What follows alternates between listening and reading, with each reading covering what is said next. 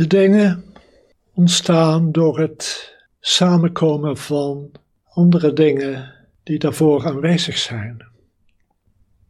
En dat geldt niet alleen voor de fysieke dingen, maar ook voor de immateriële dingen zoals onze gedachten, onze emoties.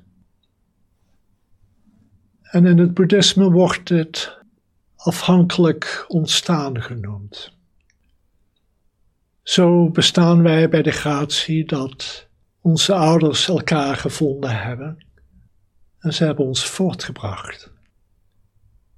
En zij, ieder, zijn weer voortgekomen uit het bijeenkomen, het samenkomen van hun ouders.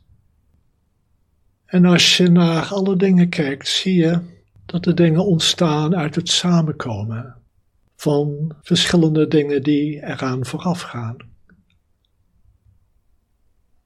In die zin is ons universum een universum van relaties. Dingen komen steeds weer samen, gaan een relatie aan en brengen het volgende voort. En dit proces is een continu proces. Een continu proces waarin steeds weer het nieuwe wordt voortgebracht. Dit is ook de reden waarom het boeddhisme zegt dat niets een eigen onafhankelijk bestaan heeft. Elk bestaan is ontstaan vanuit wat ervoor was. En zoals ik al zei, als we naar onze eigen gedachten kijken, onze eigen emoties, geldt het net zo. En het heeft belangrijke consequenties. Want het betekent dat we mede richting geven aan hoe de toekomst zich zal ontvouwen.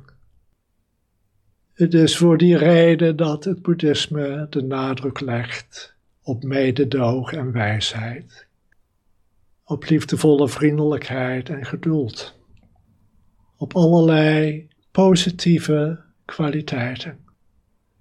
Want hoe we reageren met woorden en met acties in relatie met wat we en wie we tegenkomen, zal bepalen hoe de toekomst zich ontvouwt.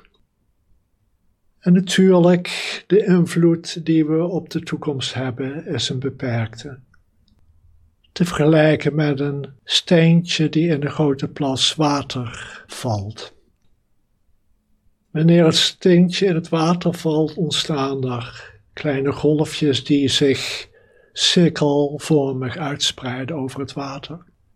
Dichterbij zijn de golfjes wat hoger, maar verder weg worden de golfjes kleiner. Dus de invloed die we hebben hoe de toekomst zich ontvouwt, is naarmate het verder weg van ons komt te staan wat kleiner. En als de golfjes zo over het water gaan, dan komen ze, misschien andere golfjes tegen van andere steentjes die in het water zijn gevallen. En dan ontstaan er interferentiepatronen, golfjes die ook weer naar ons terugkomen. En dat herkennen we wel in de relatie met anderen, met omstandigheden. Hoe je reageert, het komt ook weer in een zekere zin terug naar jou in een wat andere vorm. En dat creëert weer mede de nieuwe situatie waarop we reageren. En hoe meer we dat doen met wijsheid en mededogen, hoe meer we de toekomst kunnen laten ontvouwen op een manier die die kwaliteiten ook in zich draagt. En met hoe meer mensen we dit doen, hoe groter dit effect zal zijn. Maar cijfer je eigen effect niet weg. Elk moment is nieuw, maar het hangt af van hoe wij in het moment ervoor staan. Met z'n allen geven we vorm aan het volgende moment en het daaropvolgende moment. En ook al reageren we soms woord en daad op een onheilzame manier. Het moment daarna kunnen we weer bijsturen En zo wordt onze beoefening een levende beoefening, die toegepast kan worden in elk moment. En uiteindelijk een bijdrage geeft, hoe beperkt ook voor ieder van ons, aan een gezamenlijke toekomst. Dus laten we nu in stilte zitten en laten we oefenen om hart en geest zacht en vriendelijk te maken, stil te maken.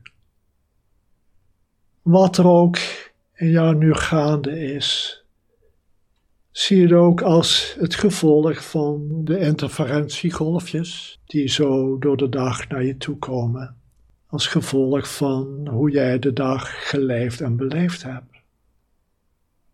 En zie dat je mede kan bepalen hoe het volgende moment zich zal ontvouwen, afhankelijk van hoe jij reageert op wat er nu gaande is in jou en om je heen.